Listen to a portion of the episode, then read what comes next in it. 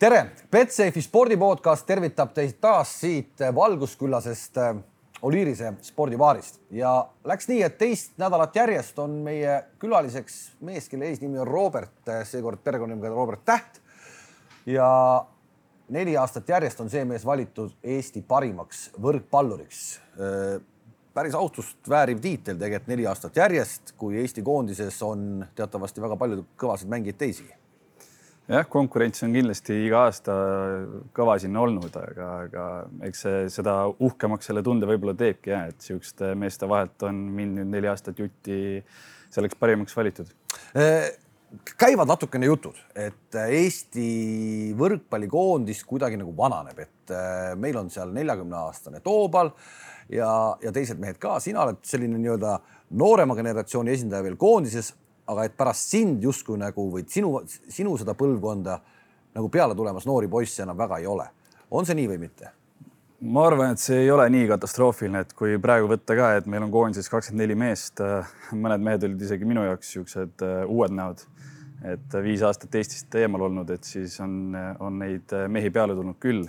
iseasi hea, kes siin rohkem seda pead kandma hakkab ja aga, aga ma arvan, et meilt tagant tegelikult on tulemas mehi küll kui uus tulemine see nüüd on, kui koondis alustas pärast seda koroonapausi Tartus oma laagerdamist, uus peatreener Cedric Enard, et kui teistmoodi kõik on? kõige rohkem muudab seda asja see asi, et äh, kolm kuud pole ju keegi meist äh, palli puutuda saanud, et äh, aga kusjuures oli üllatavalt okei okay, isegi, need nägime päris head välja seal platsi peal, isegi need esimesed treenid, arvasin, et see olukord on natuke hullem seal ja no peatreeneri tulek ka muutis kindlasti käekäiku, et äh, mõtlengi just, et äh, Gianniga äh,, Gretuga siis olid kõik mehed juba ära harjunud, kuus aastat koos siiski olnud. kõik teadsid, mida oodata, et nüüd on uus mees seal pukis ja, ja need asjad muutusid seal alguses ka päris, päris tunduvalt. no esmamuljest äh, Gianniga võrreldes, mis, mis teistmoodi on? No kui nüüd päris ausalt öelda, siis äh, Gianni ei olnud ainult äh, võrkpallitreener meile mängijatele, et. Äh, isalik tüüp. ta oli isalik tüüp, ta oli mänedžeri tüüp, ta istus pärast igat treeningut maha, võttis telefoni kätte, hakkas mänedžere või klubisid läbi helistama ja mehi pakkuma.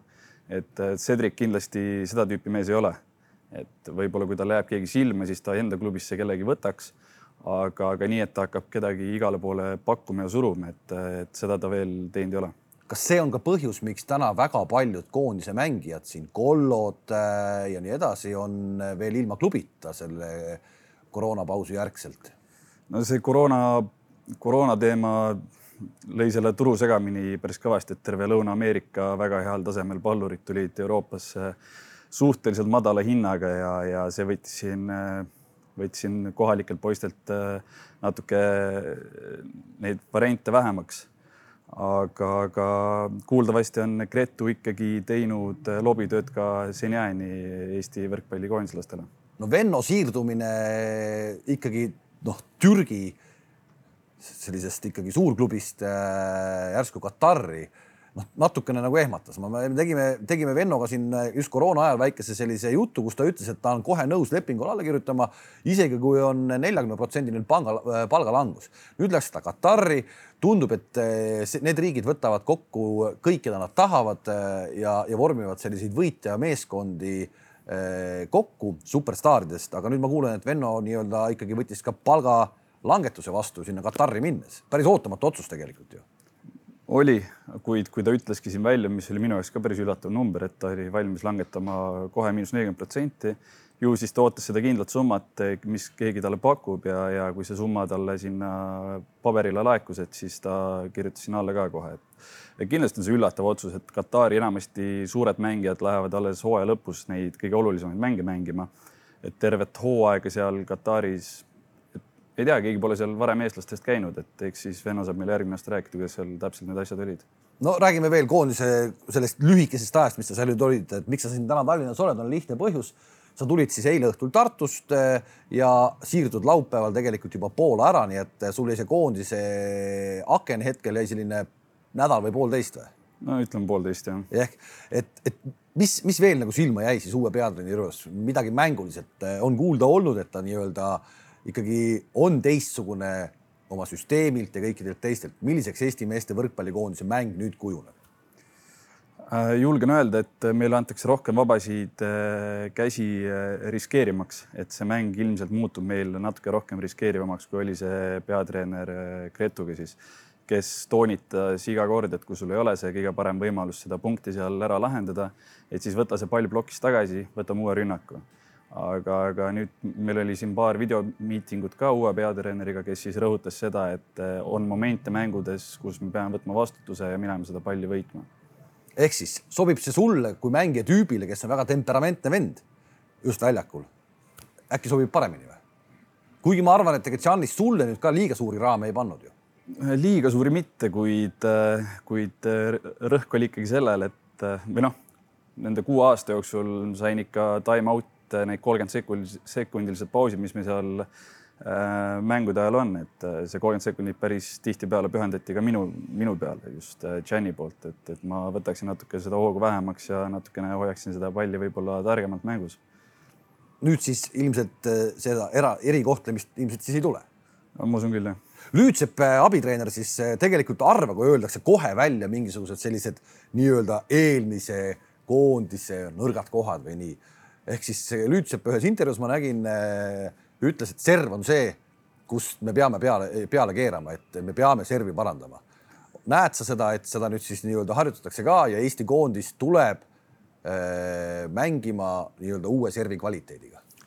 ma olen täiesti seda meelt, et äh, meie kui nii-öelda ka väikekoondis peame tegema oma trumbiks servi just, et sellega hakata lõhkuma ka suuri meeskondi ja, ja oma tasemel meeskonnad siis selja taha jätta kindlasti see on meil nüüd mingi, mingis mõttes see valupunkt olnud, et, et kui need vead hakkavad tekkima ühel mehel, kahel mehel, et siis kuidagi see terve meeskond läheb sinna vigade rajalt nagu edasi. et äh, olen seda meelt ka, et me peame hakkama rohkem servile rõhku panema igal treeningul, kuid nüüd selle pooleteist nädalaga ma ei saa öelda, et äh, me nüüd jubedalt servinud oleme. pigem on olnud see niisugune kompamise aeg ja ma arvan, et selle nädala jooksul siin täna-homme, ülehomme läheb see juba natuke spetsiifilisemaks, need trennid, ülesehitused. Gianni ajal hästi palju on räägitud ja toodud isegi minu arust õige, õigesti eeskujuks seda, et Eesti koondis just üks nii-öelda pallimängumeeskond näeb välja tõesti nagu meeskond, et nad on väga sellised nagu ühtsed ja, ja tundub, et nii heas kui halvas ollakse koos. kuidas see meeskonna feeling'u loomine hetkel nüüd selle uue äh, treenerite kambaga on, kas vaim on samasugune? no kuna meil on hästi palju uusi mehi, siis äh, kindlasti see vaim päris see ei ole, mis siis, kui eelnevad aastad on olnud siin neliteist, viisteist, kuusteist meest, et praegu kakskümmend kolm meest. Nendest kümme olid niisugust, kes on võib-olla väga episoodiliselt kunagi koondises äh, korraks käinud nädal-kaks samamoodi ja siis on nad ära saadetud sealt. et kindlasti ma arvan, et see feeling seal praegu päris selline ei ole kuid kui me need neliteist lõplikku meest lõpuks kokku saame, siis ma arvan, et äh, ei ole probleem selle sarnase meeskonna vaibi loomisel. Te läksite väga hea vaimuga äh, ka Euroopa meistrivõistluste finaalturniirile eelmisel aastal.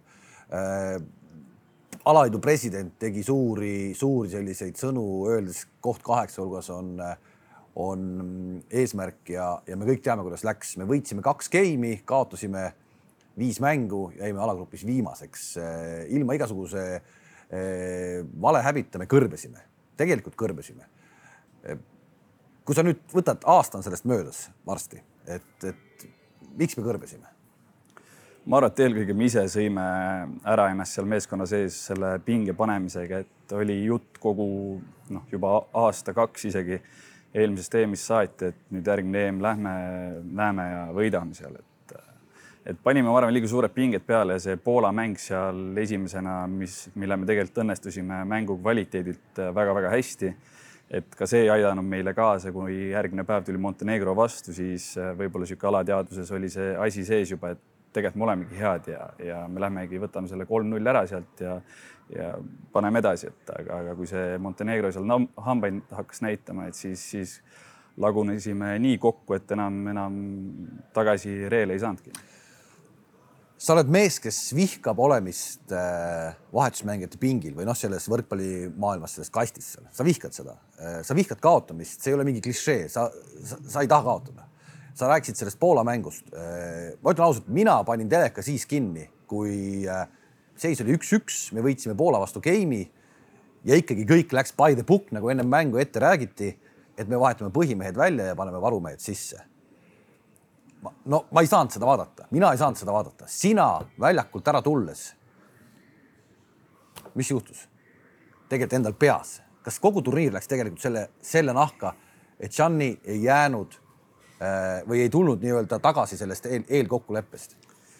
kuna see oli pikalt juba ette räägitud, et äh, Jenny siin rääkis mulle juba nädalake varem, et, et Poola vastu saab nii olema, et mängidki kaks geimi, kuna tervis ei olnud ka sada protsenti, taastusin põlvevigastusest, siis tegelikult äh, enne mängu see äh, nii-öelda otsus või see idee, et need põhimehed mängivad kaks geimi, oli igati õigustatud. enne see, mängu? see jah, et kuid mängu ajal tõesti olin ka ise Äh, natuke emotsionaalne sellel hetkel ja, ja kindlasti me sinna pingile minna ei tahtnud, sest Poola tundus see hetk, et ka nemad ei ole päris valmis endast kõike see mäng sinna sisse jätma ja et me võime isegi hammustada seal, kui mitte mängu, siis punkti kindlasti. ja me mitte kunagi ei saa ju teada enam seda, mis oleks juhtunud selles Poola mängus, isegi kui see põhikoosseisuga meeskond oleks võideldes selle Poola vastu litaka saanud siis ma arvan, Montenegro vastu äh, oleks olnud nii-öelda just see põhikoosseis rohkem ühtsem ja poleks seda kukkumist ära tulnud. see on tagantjärgi tarkus, kuigi mm. tegelikult ka juba turniiri hetkel sai sellest väga palju räägitud. On, tagantjärgi on jah lihtne rääkida, et mis oleks võinud olla, kuid eelkõige see otsus oli tingitud tegelikult äh, kaks tuhat seitseteist aasta EM-ist, kui meil oli alagrupis äh, Poola, Serbia, Soome. Soome mängis hästi targalt, meil oli viimane mäng soomlastega, Soome hoidis oma, nad keskendusid ainult Eesti jaoks ja neil õnnestus meid võita kolm-kaks tookord. meie mängisime igat mängu täiega, me läksime igat mängu võitma ja, ja võib-olla, kes teab, võib-olla olime kolmandaks mänguks siis natuke rohkem väsinud äh, kui, kui soomlased. ja ma arvan, et või noh, ma tean, et sellest tingituna Gianni üritas seekord targemini toimida, et anname Poola vastu, mängimegi kaks geimi soojaks ja, ja siis lähme paneme edasi kas Gianni pärast turniiri, mis jäi talle viimaseks Eesti koondise juhendajana, kuidagi võttis selle teema kokku ka või ütles, et poisid, kurat, minu viga oli? Sellest äh, ei mäleta küll, et oleksime rohkem rääkinud äh,. ma arvan, et kõik, kes me meeskonna sees olime, saime sellest otsusest tegelikult aru. aga jah, täpselt tagantjärgi on praegu lihtne targutada, et äh, muidugi oleks tahtnud seda mängu lõpuni mängida, kuid oleksime me edasi saanud alagrupist, oleks, ma arvan, kõik hästi olnud. Gianni jättis oma kuue aasta jooksul kohati sellise natuke nagu nagu sellise jumaliku mulje, et kõik, mis ta teeb, on, kõik on õige. ja, ja sellele vastu vaielda ei saa. samas õige, peatreener on see, kes otsustab ja tema teeb need otsused. kas terve meeskond sai üht, ühtemoodi sellest ka aru, et Venno jäi koondisest välja? jah, meeskonna sees ma võin öelda, et oli pigem niisugune äh, solvumine võib-olla Venno peale äh,, kes äh, see hetk ei suutnud siis täita endale määratud äh, seda noh, kaalunumbrit siis et, et äh, just ma mõtlen initsiatiivi pool, et äh, kuigi see number oli, ütleme viis kilo kergem, pidi viis kilo maha võtma, et oleks võtnud a la kaks pool, kaks, et oleks juba võib-olla andeks antud.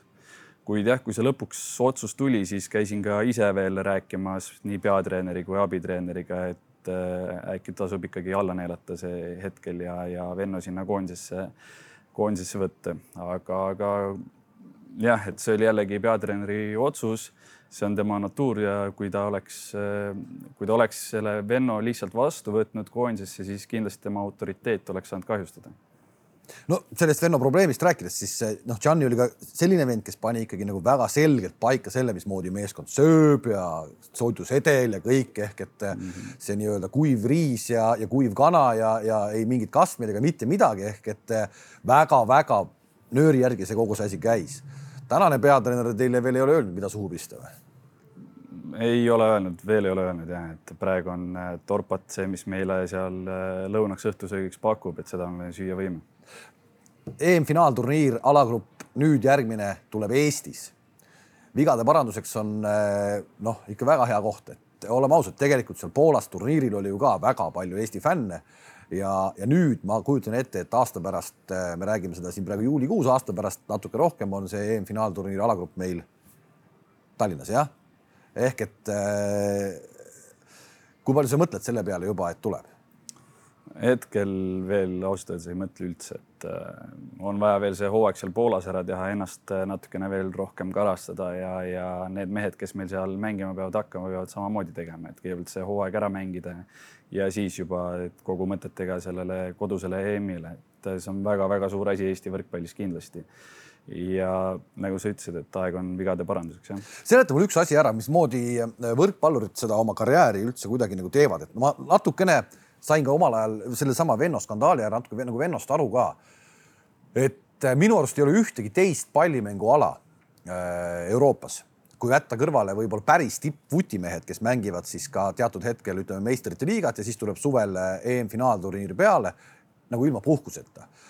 Aga vot võrk, võrkpallurid vajutavad nagu hooajast hooaega niimoodi, et nad tulevad klubi juurest ära ja terve suvi läbi põhimõtteliselt ollakse koondise juures.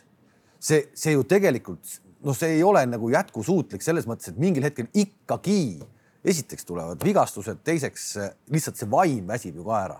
su, su puhkused on, kui sa oled tippvõrkpallur, ütleme Eestis, su puhkused, ma pakun välja, ei ole rohkem kui kaks nädalat, kui sedagi kindlasti mitte jah, et viimased kuus aastat on pandud äh, täpselt niimoodi jah, et ongi niisugused kahenädalased tsüklid, võib-olla, võib-olla on üks neid, võib-olla on kaks neid, aga, aga jah, et äh, rohkem puhkust meil olnud ei ole ja, ja tõesti, saan isegi aru, miks ka see aasta mõned mehed loobusid äh, koondisest, sest praegu on see periood, kus saab natukene rahulikumalt võtta ja tervist hästi korda teha ja võrkpall on ka niisugune ala jah, et äh, kui sa seal aastaringselt hüppad ja lööd ja et siis see õlg, põlv, selg paratamatult saavad kannatada ja sellega sa lühendad oma karjääri päris kindlasti. aga, aga, aga on selle kuidagi, no ma ei, ma ei, ma ei saagi sellest nagu aru, et noh, see on ju tegelikult nagu noh, te ei ole masinad, et äh, ma, ma ei räägi mitte Eesti koondisest, ma räägin üldse kogu sellest äh, võrkpallurite pundist, aga kuidagi on nagu kalendrit või, või miks seda koondist peab nii palju siis olema just suve ajal et noh, see on nagu, nagu masinate värk, et eh, kas ma ei tea, mingi mängijate ühendus kuidagi võiks öelda, et kuulge mehed, noh et. Eh. kusjuures see on teemas päris kõvasti, et eh, tippmängijad on läinud Maailma Võrkpalli Föderatsiooni vastu ja öelnud ka välja, et meil on mänge liiga palju, me ei pea vastu sellele. ja aga, aga kuna tegemist on turniiridega, kus föderatsioon, organisatsioon siis saab raha endale teenida, siis nemad sellest loobuda ei taha, et siis seal ongi praegu, et mängijad versus siis FIVB. Ja teie ju, teie selle eest nagu raha ju ei saa. natuke ebaaus. jah, oleneb, tegelikult see on koondistega kuidagi, kuidas kellelgi, et äh, suured koondised, kui nad võidavad seal maailmaliiga, siis äh, väga paljudes läheb see auhinnaraha siis mängijate peale jagamisse, aga kindlasti need mehed, kes seal mängivad, nende jaoks on see niisugune tore boonus, aga kindlasti nad seda raha pärast ei tee. Eesti koondises? Meie teenime igakuist stipendiumit, mis äh, noortele mängijatele on äh, suureks abiks kindlasti, kuid jah, need mehed, kes on juba välismaal tiirelnud, siis nende jaoks on see jällegi niisugune väike lisaraha lihtsalt. tuleme su klubi äh, teemade juurde ka, sa alustad siis nüüd oma kuuendat hooaega välismaal jah, kaks tuhat viisteist. Läksid sa ära Poola, siis Türgi, siis Itaalia ja nüüd uuesti Poola võtame selle eelmise aasta Itaalia hooaja, Perugia meeskonda sa läksid ja kas sa arvasid kõik, pärast kõiki neid kolme Poola hooaega ja ühte Türgi hooaega, et sa satud satsi, kus sa ikkagi ei ole nagu põhitegija? no kui see pakkumine tuli, see tegelikult tuli täiesti õhust ka, et, et kui ma Türgis Izmiris siis hooaja lõpetasin, oli mul juba leping laua peal Galatasaray'st, oleksin olnud vennaga klubikaaslane. kuid seal viimasel hetkel asjaolud muutusid, läks paar päeva edasi ja tuli kõne Perugiast, et see kõik toimus väga kähku. ja, ja kui niisugune klubi pakkumise teeb, siis ma arvan, et oleks olnud täiesti lollus sellest, sellest keelduda. sa ju teadsid, et seal on Wilfredo Leon ees teadsid seda, see ei olnud sulle üllatus? ei olnud üllatus. sa tahtsid proovida tema kõrval ennast äh, mängijana ka? muidugi. tegemist on siis äh, Poola koondise mängijaga, keda ilmselt võrkpallisõbrad kõik teavad, aga võib öelda, et ühe maailma parima äh, nurgaründajaga. no ma arvan, isegi võib öelda maailma parim mängija. mis ta teeb maailma parimaks võrreldes sinuga? Ta sündis juba niimoodi, et tal oli natuke rohkem antud kui, kui paljudele teistele mängijatele või kui kõikidele teistele mängijatele, et mehel on nii võimu kui osavust ja pikkust ja kõik see on ja, ja ka enesekindlust, et näha on, et see mindset'i pool seal toimib ka väga-väga hästi. kui proff ta on oma suure andekuse juures, äh, kui töökas, ma pean seda silmas, et -hmm. kogu seda annet ära lihvida ta teeb tööd, kuid äh, kindlasti ta ei ole nüüd maailma suurim tööloom, et, et ta teab täpselt, mis tal vaja on, ta kuulab oma keha, ta ei tõsta suuri raskuseid jõusaalis, ta pigem hoiab seda, mis tal on praegu juba olemas. aga ma usun ja, et, et kui võtame mingi, mingi niisuguse, võin kasvõi enda näiteks tuua, et mina olen kindlasti pidanud tänasele tasemele jõudmiseks nägema rohkem vaeva kui tema maailma parimaks võrkpalluriks saamisel. ometi ei saa ju öelda, et loodus sulle ka üht midagi andnud ei ole, et ma ei tea, sul on äh, võrkpallist on siis see nii-öelda spike ehk, ehk et sa, sa hüppad selle ühe käega ulatad ja on see kolm viiskümmend üks, viis isegi nüüd juba jah. nii, nii ploki reach on sul kolm kolmkümmend neli, põhimõtteliselt võiks nii öelda. sa oled Eesti koondise kõige parema põrkega vend põhimõtteliselt, kas see on nagu puhtalt töö pealt tulnud või on natukene ikkagi hüppevõimet antud ka? no seda on keeruline öelda, et äh, no ilmselt on midagi antud ka, kuid äh, Audentesest Tartusse siis siirdudes pandi meile ikka väga kõva kang selga ja, ja, ja tervis pidas õnneks vastu sellele ja, ja sealt sai ka, ma arvan, selle, selle nii-öelda hüppe ja, ja ka õla endale taha. mis samad näitajad, ma ei tea, Wilfredol on, Leonil on, tead sa neid? Spike äh, Reach'is, äh, ma usun, et niisugune kolm kaheksakümmend. Äh, kolm kaheksakümmend või? Mhm, mhm, mhm. seal on ikka siuksed numbrid jah. nii ja, ja Reach'is? no plokki, ploki kõrgust ma ei oska praegu öelda, aga, aga ütleme näiteks, et et servi kiirus sada kolmkümmend viis, trennis stabiilselt sada kakskümmend pluss, mis nagu minu isiklik on vist sada kakskümmend neli tema paneb stabiilselt sada kakskümmend pluss seda servi, et, et see on ikkagi ebareaalne. ja sinu, sinu nii-öelda sada kakskümmend neli on su isiklik eks kiirus servi ja sa oled ometi täna meie koondise üks parimaid servijaid, et, et noh, et sealt peaks nagu tulema, kui sina lähed. See jääb kümme kilomeetrit tunnis alla siis äh, Lyonile.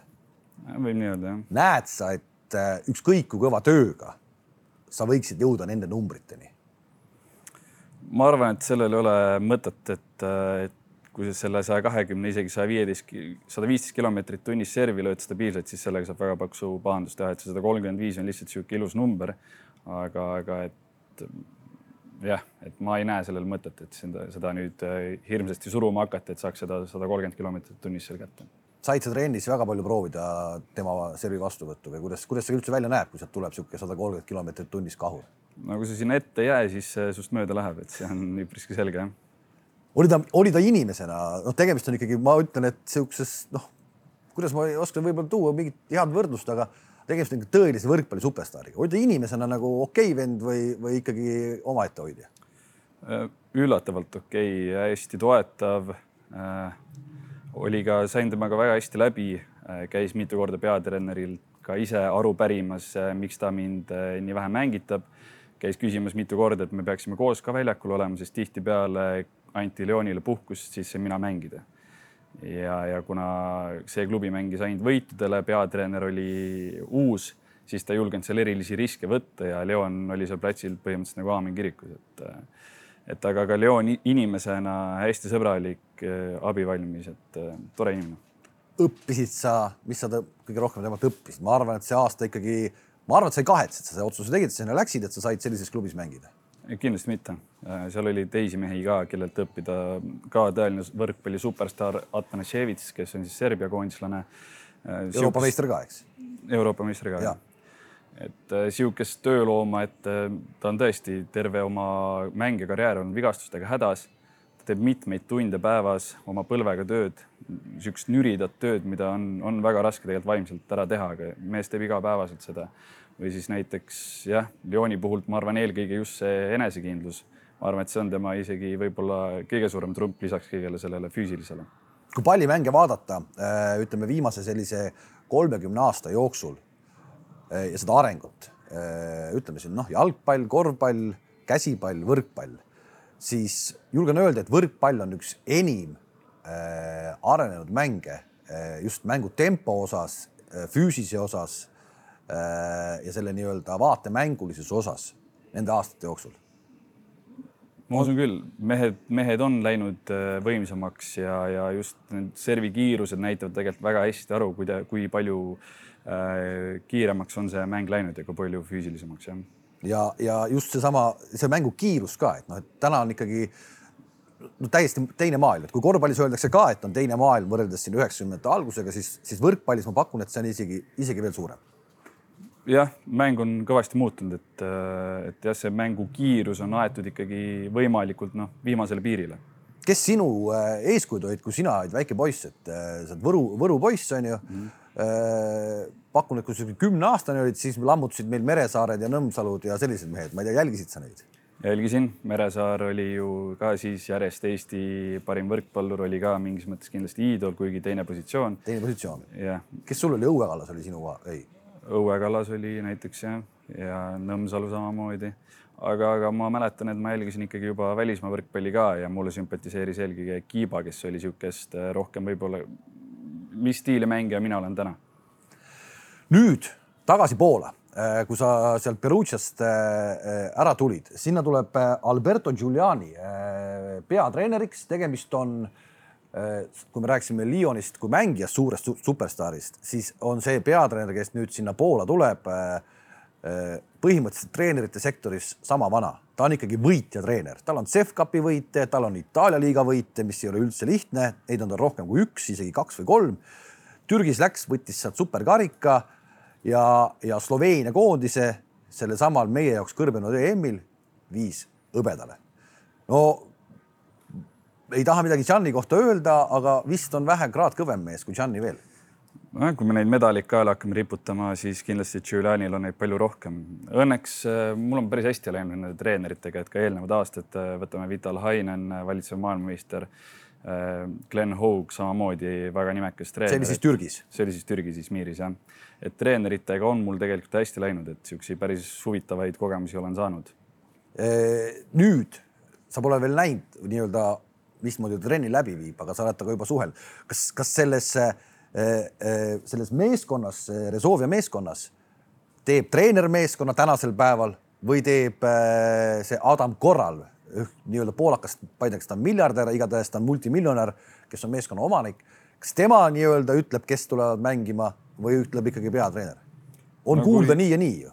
No kui mõelda selle peale, et äh, paljud mängijad, kaasa arvatud mina, olin juba võetud enne peatreeneri äh, sainimist, siis et siis ma arvan, et peatreener seda meeskonda ise komplekteerida ei saanud, et võib-olla siis need mõned mehed ta sai endaga kaasa tuua, kes veel need lahtised kohad, mis meil äh, pärast tema allakirjutamist veel lahti olid. ehk siis sina tegid lepingu koos Timoga ära ennem kui peatreener tuli yeah.. päris huvitav situatsioon iseenesest. Iseenesest küll, sellel ajal, kui mina lepingu kirjutasin, väideti mulle peaaegu sajaprotsendiliselt, et eel, eelnev treener, kes oli siis Sanini, jääb kindlasti meeskonda vedama ja siis läks umbes kuu-poolteist, võib-olla isegi kaks kuud mööda ja nägin, nägin kusjuures veel interneti vahendusel, et uus peatreener on meil, meil postis. see Resovia meeskond on Poolas siis tegelikult noh Äh, Poola liiga on väga tugev liiga, ühtlane liiga, aga see Rezovia on olnud seal seitsmekordne Poola meister. Äh, ja, ja, ja võiks öelda, et selline Poola klubi võrkpalli kerge lipulaev, aga viimastel aastatel pole välja tulnud. peatreenerid kogu aeg vahetuvad, üsna tuuline paik, võiks öelda, on just peatreeneritele ja on ka mängijatele tegelikult, ka mängijatele ka, eks mm. -hmm. kas sa oleksid teinud teistsuguse otsuse? Sinna minnes, kui oleks teadnud, et, et see peatreener vahetub, et tuleb, tuleb Giuliani? ei oleks, siis ma oleksin ilmselt veel kindlamalt sinna alla kirjutanud, kuigi ega see olukorda lihtsamaks ei tee, et, et Resolve ei ole üldse lihtne koht, kus tegelikult mängida, et seal, see on võrkpallilinn, seal on umbes kakssada tuhat elanikku, fännid on, ütlevad väga valjusti välja, kui neile mingid asjad ei sobi, mingid mängijad ei meeldi et äh, ja kui seal hakkad, hakkavad need kaotused tulema, et siis ei ole üldse lihtne koht, kus tegelikult olla, et ma kujutan ette, et eelmine aasta, kui oli see kõige ebaõnnestunum hooaeg üldse Resolvial, et siis need mängijad seal väga tihtipeale isegi vabadel päevadel kodust välja ei astunud. on see asi nii karm? see asi on karm seal jah. ja ega järgmine aasta, kuna võeti niisugune nimekas peatreener, siis need ootused on isegi kõrgemad, ma arvan, kui, kui lihtsalt medal. ja nüüd sa ju ei lähe sinna kellegi äh, selja taha sooja tegema ja saad väljakule siis, kui staar puhkab, vaid eh, täna oled sina see, kes peaks hakkama seda satsi ikkagi vedama.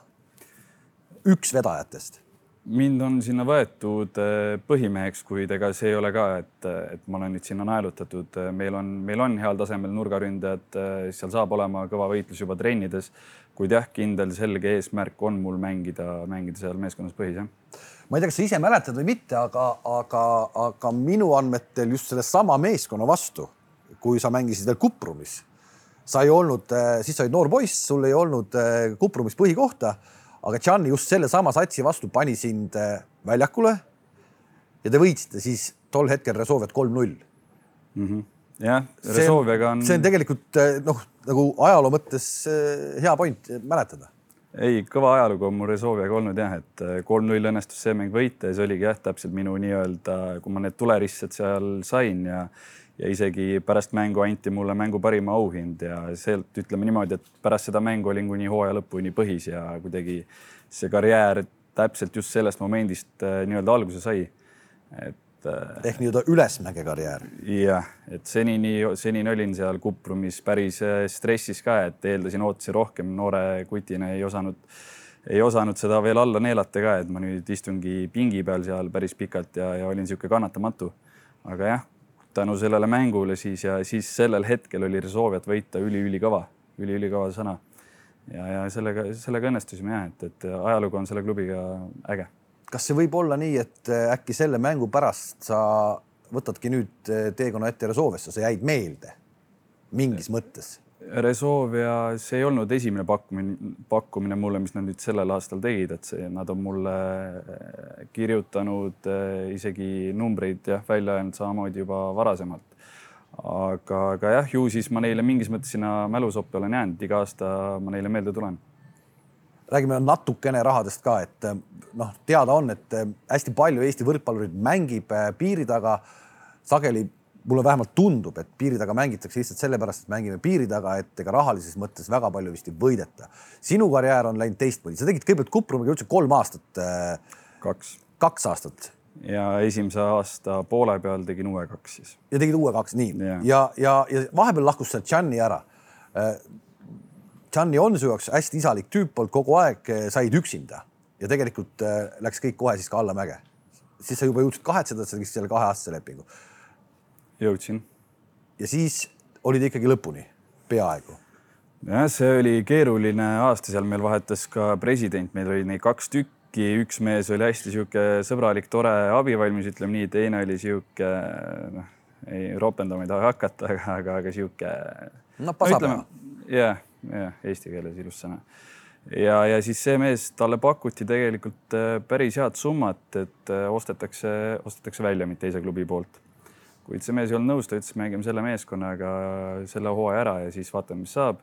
kuigi Kuprum oli sellel ajal väga suurtes rahalistes raskustes ja neid äh, palkasid ma sain seal aasta aega hiljem ka alles, alles veel kätte, et, et see hooaeg oli, ma arvan, senise karjääri niisuguse mm, kõige, kõige keerulisem jah. Aga ikkagi äh, rahalises mõttes kõigepealt Kuprum, siis Izmir, siis Itaalia ja nüüd Resovia kas rahalises mõttes, sa ei pea summasid välja ütlema, kuigi sa võid seda teha. Äh, lähed sa kogu aeg aste ülespoole? Äh, tuleb tõdeda, et äh, Türgist astusin sammu tagasi, et minna Perugiasse. kuid jah, nüüd lähen jälle ülesmäge tagasi. ja siiamaani kõik klubid, kus sa käinud oled, sa ütlesid, Kuprum jäi sulle võlgu, aga siis on ära klattinud selle jah, lõpuks on, olen need palgad senini vähemalt väga ilusti kätte saanud, et Kuprum oli ainuke problemaatiline klubi. türklastega Türk... mitte ei, midagi, itaallastega midagi? noh, koroona, et sealt tuli päris niisugune arvestatav äh, protsendi mahavõtmine, aga, aga noh, see on, see oli kõikidele mängijatele samamoodi. see käis kõikidel ühtemoodi, see käis ja. Äh, lihtsalt öeldi, et nüüd on hooaeg pooleli ja te ei saa nii-öelda oma viimase kuu palkasid või võeti lihtsalt mingi protsent ära kusjuures see otsus tuli isegi liiga poolt, mis tegi selle asja eriti nõmedaks, et äh, võtsid seal, seal on vaesemad klubid, seal on rikkamad klubid, Perugial ei oleks kindlasti olnud probleemi klattida ära seal vähemalt kas üks või kaks kuupalka veel, aga löödi kõik ühe puuga ja kõigil tehti kolmkümmend protsenti, jah. kõigile ühe puuga kolmkümmend protsenti. nüüd Resolvias tegid ka jälle üheaastase lepingu ja ma olen aru saanud, et sul on tegelikult selline nagu kas see on see Kuprumi, äh, Kuprumi meeskonna äh, nii-öelda kogemus et sul on, sul on nüüd kombeks teha üheaastased lepingud, pikemaid sa ei tee? Hetkel küll ja ma võrkpallis on hästi tavaline tegelikult see, et äh, ma nüüd lähen ka Resolviasse, võib-olla kahe-kolme kuu pärast oleme mõlemad mina klubiga, nemad minuga nii väga rahul, et siis saame teha ju uue lepingu kohe järgmiseks aastaks otsa, aga, aga pigem nüüd tahaksin natuke kombata seda maad jah. Resolve täna ju vist eurosarja ei mängi midagi, sul jääb ainult Poola liiga. ainult Poola liiga jääb jah. natukene kuivaks ei jää või? ma arvan, et mingis mõttes on see hea, et saame ainult sellele Poola liigale keskenduda ja muid segavaid faktoreid see aasta ei ole kui võitja mees sa oled selles mõttes, et äh, kõik tahavad alati spordis võita, see on selge. Äh, sul ka üht-teist ikkagi on juba jäänud äh, karjääri jooksul käe külge, jätame Eesti kõrvale, aga, aga Türgist siis hõbe, eks, mis oli hästi põnev finaalseeria tegelikult iseenesest ja, ja jälle üks kõrbemine tegelikult olukorras, kus tundus, et äkki enam ei ole kõrbemist, see viies mäng, eks, et mhm. null-kaks heiti mängudega taha, siis kaks-kaks, viies mäng kõik nullist mm. -hmm. võtame selle ära ja kõrbesite selles mängus täielikult ju, et jälle juhtus. Jälle juhtus jah, aga, aga see oligi võib-olla, me olime nii noor meeskond tegelikult ja vastas olid väga kogenud äh, mehed. ja, ja see tegelikult oli hästi kõva hooaeg, et me panime algusest peale, panime lõpuni tegelikult tõusvas joones oma mänguliselt, mängulise poolega just, et meil oli seal üheksateist või oli ta kakskümmend juba diagonaalründe ja mingi kahekümne kahe aastased temporünded, teine nurk oli ka kakskümmend kaks, et et ma olin niisugune üks kogenumaid mängijaid seal platsi peal, välja arvatud sidemängija, et, et hästi põnev hooaeg oli. kahju muidugi, et finaalseerias kaotasime, aga, aga see oli ülikõva, et me sealt null kahest välja, null kahest välja tulime ja siin seeria sinna viiendasse mängu viisime. Ja siis Itaaliast tuli superkarikasse ja kuna me ei tea, mismoodi hooaeg lõppenud oleks, siis hooaeg jäi pooleli, siis Itaaliast rohkem nagu külge midagi ei jäänud, aga superkarikas tuli karika eest anti ka hõbemedal pihku jah. ehk et eh, midagi sul nii-öelda ette näidata on, kui suured boonused eh, näiteks lepingutes on selle eest, et nüüd, kui me, sul on palk, aga võidame ära ka veel? see on igas klubis täiesti erinev, et eh, Perugia maksis boonused ainult võitude eest puhtalt mänguvõidu eest või, või nii-öelda siis karik, karikas ainult suurte sarja, võitude jah, eest jah, aga seal on mängijatel kindlasti ka erinevad punkte sees, kuid jah, Perugia-sugune meeskond tavaliselt mingi teise-kolmanda koha eest sulle mingit boonust ei anna. Ja täpselt ongi, et iga klubi, klubi on täiesti erinevalt seda teinud. Türgis võin öelda, et on äh, väga suured boonused, noh, võrkpallimaailmast rääkides. ja nüüd, kui, aga miks sa Türki siis ei taha edasi jääda, kui seal kõik nii hästi on? Izmiris oli tõesti kõik väga hästi, ma arvan, et senini mu niisugune lemmikhooaeg võib-olla tõesti, et see eluolu, see, kuidas mängijad koheldi, hoolitseti su eest, et see oli tõesti vägev, et ma olen igal pool kiitnud jah, Izmiri meeskonda, et tõesti vägev. ometi see oli see koht, kus sa läksid nii-öelda äh, nagu eestlastest üksinda, et Kuprumis sul oli ju Gianni ees, sul oli seal Eesti mehi ees mm., natuke nagu oma klubi oli, et sa, sul see üleminek, hüpe ei olnud nii keeruline võib-olla kui ühel noorel mehel niisama välismaale minna, et sul olid omad mehed seal ees olemas.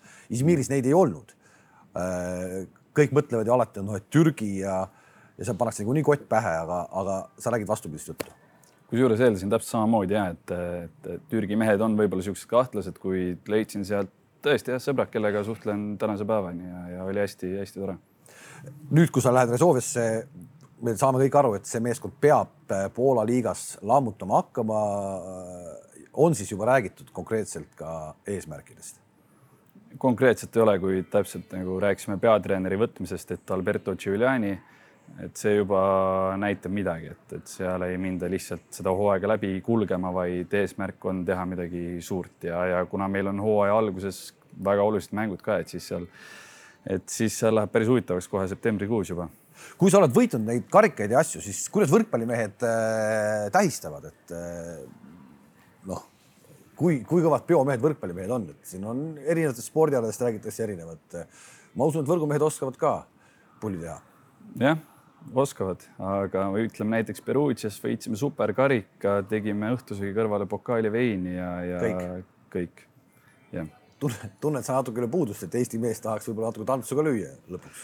no seal oli ajaliselt, eh, meil ei olnud väga palju aega, et, et eh, neid mänge oli lihtsalt liiga tihedalt tegelikult, et ebareaalselt eh, koondise meestega kindlasti, kui meil turniir läbi saab, siis te, tavaliselt tekib niisugune vabam periood ja eks me siis terve selle ühtse meeskonnaga ja ka peatreener Gianni on meiega koos olnud, et oleme käinud kõik koos ja ja mõned pudelid õlut ikka joonud. ehk siis see käib tegelikult ju selle asja juurde, ma ei tea, kas Enaard äh, on, on vastupidi mees või mitte, aga, aga see käib kõik sellise natuke nagu meeskonna tuju loomise juurde kindlasti jah, mul puudub ka hetkel veel info, kuidas see trikk sellesse suhtub, aga, aga Janiga oli see pool nagu meil, meil päris hästi. kas sa Janiga tänase päevani veel suhtled ka, uurib ta, kuidas sul läheb?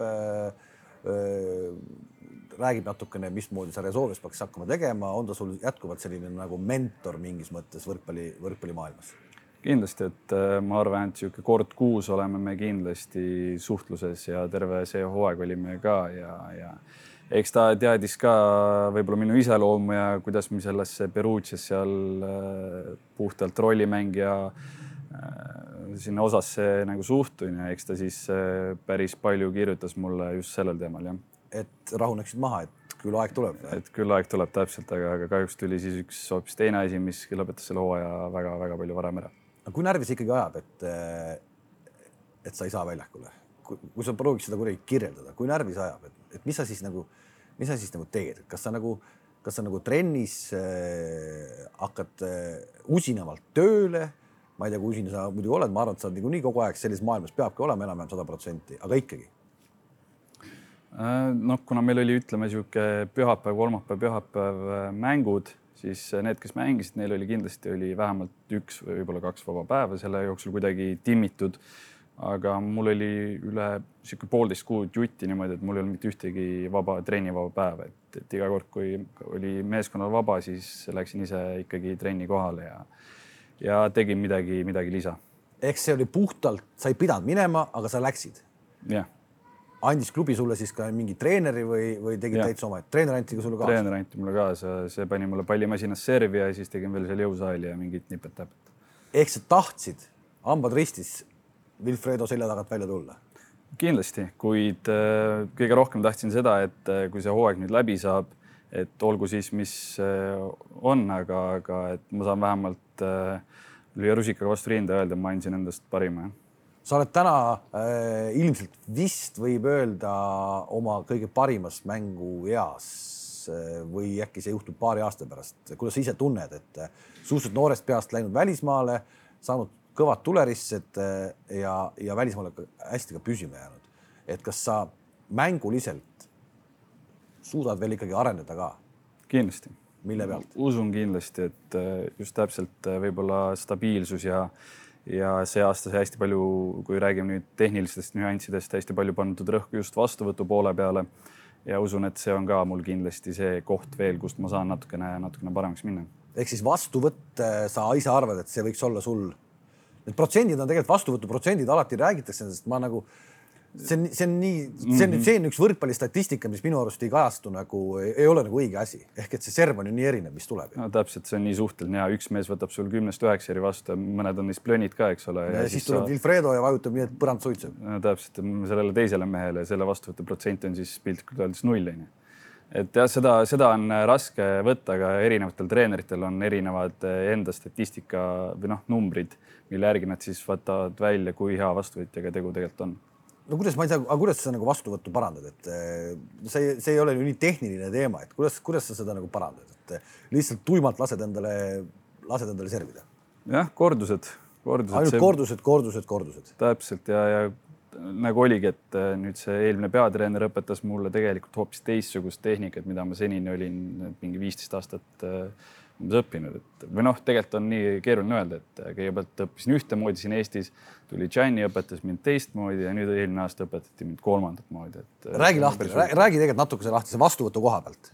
nii, see, see pillilt tavavaatajale tundub äh, kõik ühtemoodi. kõik ühtemoodi. nii, aga räägi lihtsalt, mis sinu vastuvõtutehnikas muutus nüüd selle, äh, selle hooaja jooksul? kui alati on räägitud, et vastuvõtja siis peab jalgades seda tööd tegema, käed on paigal siis see aasta öeldi mulle, et eh, vastupidi, jalgadest teed selle palli parajaks, kuid mängid ainult kätega, et, et jalgu ei kasuta palli siis suunamise ajal. et seda on võib-olla raske rääkida. no ei ole, aga see on, see on, see on täitsa huvitav värk.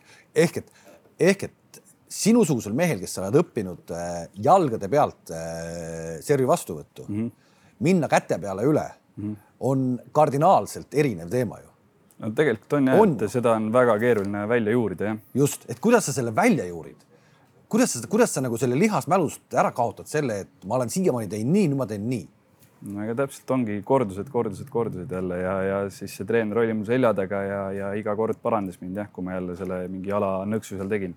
ehk see ja sa, ja sa said sellest ühe hooaega nagu lahti või? Ma arvan, et enam-vähem, kuid ma pean ikkagi nüüd ka, kui see uuesti algas pihta, hakkas pihta see palli puutumine ja see vastuvõtmine, et siis jah, et pidin väga palju keskenduma, et mitte neid jalgu siis kasutada. aga tundsid sa, et see, mida rääkis Perugia peatreener, oligi õige? see on huvitav jah, idee on täpselt selles, et mis ta ütles, et inimesel on käed palju osavamad kui jalad, et milleks mängida siis jalgadega. no sinu käed on iseenesest ülimalt osavad, ma ei tea, kes on näinud äh, Eh, fotosid sinust, kui sa üldse kogu su kere, et noh, et kui sa, kui sa näiteks servima lähed, et sa suudad panna endale mingi siukse vibu kuidagi niimoodi oma, oma kerega, ma ei tea, sa oled kindlasti ise näinud ka. kuidas, kuidas see paindumine käib, et kas sul on, kas sul on midagi nagu kuskilt puudu või? ma mõtlen no, päris hästi, ei päris hästi öeldud jah, et üks lihas on täitsa puudu, aga, aga ma ei ole nüüd ainulaadne võrkpallur, kellel see lihas puudu on, et siin selja pealt on üks äh, ka ilmselt tänu liiga palju korduseid kunagi on tehtud, siis on mingi närvi seal kinni pigistanud ja, ja siis see lihas on ära kärbunud sinna, et, et äh, jah, täitsa väike sihuke auk on seljas. eks sa põhi eks sa põhimõtteliselt, sa suudad kuidagi, ma ei tea, kas sa suudad oma käe siis praegu panna täitsa suvaliselt kuskile selja taha sirge, sirge käe või kuidas see käib no,? Päris nii ma praegu proovima ei hakka, ma arvan, et aga, aga, aga mul on see õla liikuvus olnud millegipärast äh, väikse peale tegelikult päris hea juba, et, et kui ma võtan mingi toika kätte ja viskan need käed üle, et siis ta liigub päris hästi. aga see on ainult ühel käel või mõlemal? paremal käel kindlasti paremini, aga, aga vasak käsi on ka päris okei okay, lahtine. äkki sinust oleks tulnud hoopis, äh, ma ei tea, hea odaviskaja võib-olla, aga, aga ma olen niisugune pallimängija tüüp, et äh, minu jaoks äh, müts maha kõigile individuaalsportlaste, kõigi individuaalsportlaste ees, aga, aga see on minu jaoks niisugune natuke võib-olla nüri, nüri nühkimine. no vanusega kõik muutub äh,. mis alasid sa üldse tegelikult veel, ma tean, sa oled suhteliselt nagu jälgid teisi alasid ka, ei ole ainult võrkpalli sees, et äh, mis, mis sa siis veel vaatad? Mingi periood olin hästi suur NBA fänn, et kogu see melu seal võlus päris hästi ja see kajastatus just, et kui hästi neid statistikanumbreid igast mängust välja võeti, et see, see nagu paelus. kindlasti olen jalgpalli jälginud, kuid nüüd viimasel ajal järjest vähem, sest kuidagi see fookus on hästi suuresti võrkpalli peale tegelikult jäänud, et et huvitun järjest rohkem erinevatest liigadest ja hoian sellel asjal rohkem nüüd silma peal. sa rääkisid NBA-st ja USA-st, ma olen tegelikult äh, sõpradega omavahelises vestluses öelnud, et sinusugune vend tegelikult turund, turundatakse USA-s sporditurundus, mis on maailma tipus. Turundatakse nii kõvasti ära, et ma arvan, et sa oleks seal multimiljonär võrkpallurina ka. USA-s ei ole võrkpall, eh, ta nagu ei lenda avalikult nii palju. Mm.. samas, kui vaja on, võtame kasvõi Los Angelese olümpia või midagi sellist, kui vaja on, siis pannakse see sats kokku ja, ja, ja väga kõval tasemel, isegi rannavõrkpallis äh, kilarid, kes siin omal ajal mm. paugutasid, eks, kui vaja oli, kui vaja oli, siis nad teevad selle asja ära. Äh, ma ei tea, mõtled sa vahel, et, et oled, oled sündinud vales riigis, et, et võiks kuskil mingis suuremas riigis olla, et, et elu oleks palju lihtsam? tead, sellel Eesti väiksusel minu arust on see nagu mingis mõttes tore ka, et, et et tegelikult siin saad võib-olla natukene nimekamaks kui näiteks samal tasemel mängijana kuskil, täpselt nagu sa ütlesid, USA-s, et võib-olla USA-s sind ei pane hoopis keegi tähelegi, et, et seda ka ei tea. et mulle meeldib tegelikult Eesti riigi, riigi väiksus. ja sa ei kavatse karjääri lõppedes, ma olen seda tegelikult päris paljudelt küsinud ja kõik, kes on hästi aastaid nagu välismaal mänginud, et kõik ütlevad, me tuleme Eestisse tagasi, et ma ei jää kuskile. kuidas sina ütled? Kindlasti tulen Eestisse tagasi jah, et äh, ma mäletan, äh, kui ma Tartus veel elasin, siis mul mingi sihuke idee tekkis, et äh, et võiks oma tulevikku mingi, mingis muus riigis võib-olla kuskile mujale minna elama. kuid jah, oled seal välismaal need hooajad ära olnud, siis tahad koju tagasi. Robert Rooba eelmises saates rääkis mees, kes nagu hingab täielikult jäähokit, et noh, ta on nagu lapsest saadik uisud jalas ja, ja, ja kõik asjad. noh, ta ainult on nagu hoki sees ja minu jaoks natuke üllatav oli see, kui ta ütles, et, et kui ta mängijakarjääri lõpetab, et ta ei, ilmselt ta ei kavatse oma edaspidist elu pühenduda hokile. see kõlab küll nagu keeruliselt, et noh, et kuidas sa siis äh, hakkad mingi muu asjaga tegelema, aga, aga tal kuidagi on nagu oma peas see olemas on. kuidas sinul läheb, oled sa selline treeneri tüüpi ka või, või pigem mitte? ma olen selle peale väga palju mõelnud, ma arvan, et äh, võib-olla see tüüp oleks isegi olemas aga ma ei ole päris kindel, kas ma pärast äh, pikka karjääri, loodetavasti tuleb pikk karjäär, tahan jätkata ka täpselt samamoodi ainult puhtalt võrkpalli peal. ehk siis, mis su muud huvid võiks olla? jällegi jään vastuse võlgu hetkel, et äh, jube keeruline on äh, näha mingeid aastaid ette, et äh, siin kõik muutub nii kiiresti ja, ja, ja võib-olla tekib mingid, mingid uued ideed ja. noh, sul on veel tegelikult kolmekümnendani veel minna ja pakun, et sa võiks võrkpalli mängida. No päris toobali nelikümmend ilmselt ikkagi ei tule mm,. see, see on ebareaalne, see on ebareaalne ehk et mm. ütleme, mängija positsioon on ka natuke teine, et sa ikkagi lõhud ennast võib-olla natuke rohkem mm., aga ikkagi äh, mitu aastat veel noh, see on niisugune väga algeline plaan, et seda ei tea ka, ei ole kõik enda kontrolli all, aga olen mõelnud, niisugune ilus number nagu kolmkümmend viis võiks olla võib-olla see lõpuaasta. aga kuidas see käib, et eh, kui sa, kui sa oled kolmkümmend viis, kui palju sa kardad seda tegelikult natukene, et, et su, su selline rutiinne elu, millega sa oled nii hästi harjunud, et see lõpeb ära ja mis siis juhtub? õnneks ma ei ole niisugune nii suur ettemõtleja või, või et äh, ülemõtleja, et, eks ma ootan selle aja ära ja siis ma tean täpselt, et äh, mis tunne see on, et äh, et praegu ma ei oska selle pärast pabistada. oled sa näiteks neid, noh, ma ei tea, Janist on täna palju juttu olnud või kellegiga arutanud teemat, et et mis ma siis teen või, või sa täna ei muretse selle pärast üldse? täna ma veel selle pärast ei muretse, jah. ehk Magnus Kirt istus siin kunagi ka täpselt samamoodi, ütles ka, et ta täna selle peale ei mõtle, kui aeg on käes, siis, siis mõtleb mm. -hmm. kas võrkpallurina, tippvõrkpallurina nagu sina äh, pead sa üldse pärast äh, mängikarjääri väga palju nagu mõtlema, millega tegeleda või, või elad ikkagi mõned, mõni aeg väga rahulikult ära? eks see peas hoopis see eesmärk tegelikult on, et karjääri lõpuks ei peaks väga palju muretsema aga, aga jah, täpselt, et see ei ole ka kõik enda kontrolli all, et mis see keha teeb, mis need vigastused teevad, kuidas õnne on, sest väga palju on vaja ka õnne paljamängudes. ja aga jah, et nii palju ma olen mõelnud, et kui ma Eestisse tagasi tuleks, ütleme siis jah, kolmkümmend neli, kolmkümmend viis, siis paar niisugust äh, vaheaastat võiks veel mängijana siin teha, ütleme niimoodi, et natukene võib-olla klubi noorematele siis tollel hetkel abiks olla ja, ja ise, et endal oleks natuke pehmem maandumine kui suur eeskuju sa tunnetad, et sa oled, et kui sul omal ajal olid siin Meresaar ja kõik asjad, et noh, see, see on äh, noortele tähtis. täna oled sina täpselt selles rollis, kus sina oled see eeskuju äh, noortele. ma ei tea, oled sa Eestis äh, väga sage külaline mingis lastelaagrites ja asjades äh, rääkimas, kui äge amet on võrkpalluri amet?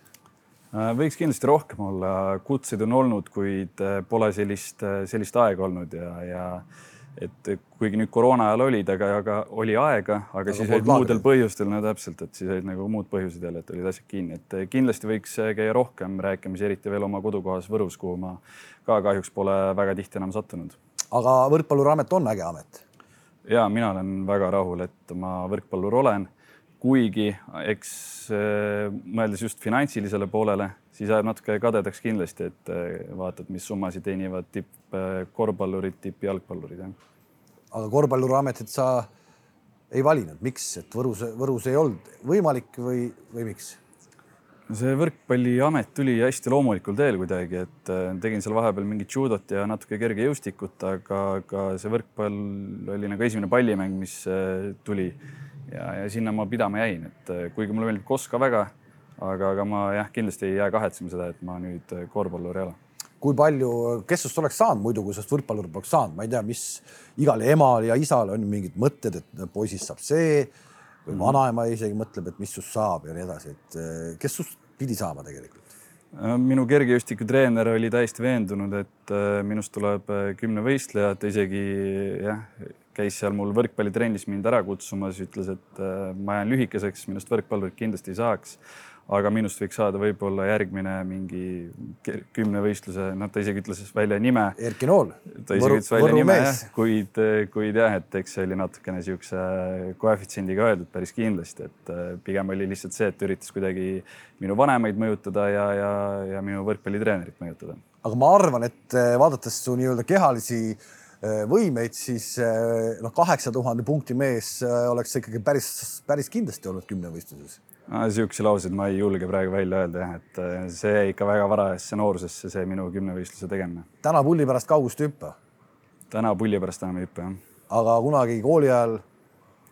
ma olin üsna kolmas-neljas neljas klass äkki või jah, kui ma hüppasin äh, neli kuuskümmend kaheksa, ma mäletan, et aasta vanematega olin Eesti TV10-s kas äkki neljas või viies, et ma mäletan, see oli mul niisugune kõige uhkem äh, kergejõustiku saavutus jah, ehk et mitte millegi pealt jah. TV10 olümpiastarti ja peaaegu viis meetrit. kripeldab olla jäänud, et äkki peaks ikkagi viis meetrit nüüd ära hüppama kuskil jaanipäeval. see viis meetrit on võib-olla isegi kätte saadud juba kuskil, aga, aga ma täpselt numbreid ei mäleta jah. vaatasid sa täna nagu äh, siis kergejõustikut ka ikkagi nagu huvitab sind see see maailm ka, et see, sa ütlesid küll individuaalalad pole see, aga ikkagi. individuaalalad jah, ma jälgin neid meelsasti, aga, aga ma lihtsalt mõtlesin, see treenimine tundub minu jaoks natuke liiga nürjend, mulle meeldib seda palli mängida ja ja muidugi kümnevõistlust jälgin igati huviga, sest äh, klassivend Maicel Uibo näiteks on ju väga kõva mees praegu ja ka Saluri, kes küll jah, vahepeal on mõelnud siin lõpetamise peale, kuid siiski olen neile algusest peale pöidlaid hoidnud. Uiboga suhtled ka, küsid, kuidas läheb ja kõik muud jutud? vahest kindlasti, kuid rohkem on see suhtlus jäänud sinna, kui kumbki meist äh, midagi, midagi saavutab või on, on millegi puhul äh, õnne soovida. igal juhul ma soovin sulle juba ette õnne, et sa tegid äh, hea lepingu, sa oled üks noh, võib öelda, et võrkpalluritest kindlasti praegu kõige rahulikum südamega vend. sul on väga-väga hea leping ja väga hea klubi uueks hooajaks võib öelda küll, et äh, mingis mõttes see natuke lotovõit oli, et just äh, enne koroonat suutsin lepingu juba sõlmida ja lepingu sõlmisin klubiga, kelle eelarve pigem kasvas võrreldes eelmise hooajaga. ja koondisega sa liitud nüüd, kui sa lähed Poola, sa liitud juba Poolas, kui Eesti koondis mängib Poolaga? Ei, tegelikult äh, täna on see mõte juba maha maetud, et kahjuks ma nendega li ei liitu. põhjuse, põhjus on väga lihtne, et me Poolas alustame hoopis teise programmiga, et väga rahulikult hakkame pihta pigem on äh, rõhk jõusaalidel natuke vähem pallipuuteid ja ma ei ole üldse kindel, kas äh, selleks ajaks, kui me hakkame Poola vastu mängima Eesti koondisega, oleme üldse mingeid hüppeid või niisugust äh, nii-öelda kuuikutrenni, mängulist trenni üldse teinud klubiga, et, et sellel kaob nagu point ära. ehk siis sellel suvel Eesti koondis ilma täheta. nii on jah. igal juhul edu sulle, aitäh, et sa tulid ja ma jään küll ootama, mismoodi sul Poolas läheb ja loodan, et sul läheb ikkagi väga-väga hästi tänud. aitäh, et vaatasite. Robert Täht täna siis äh, oli külas meil, Eesti parim võrkpallur viimased neli aastat ja peaks küll midagi suurt juhtuma, kui viiendat aastat järjest äh, seda tiitlit mees järgmisel aastal endale ei saaks. kohtumiseni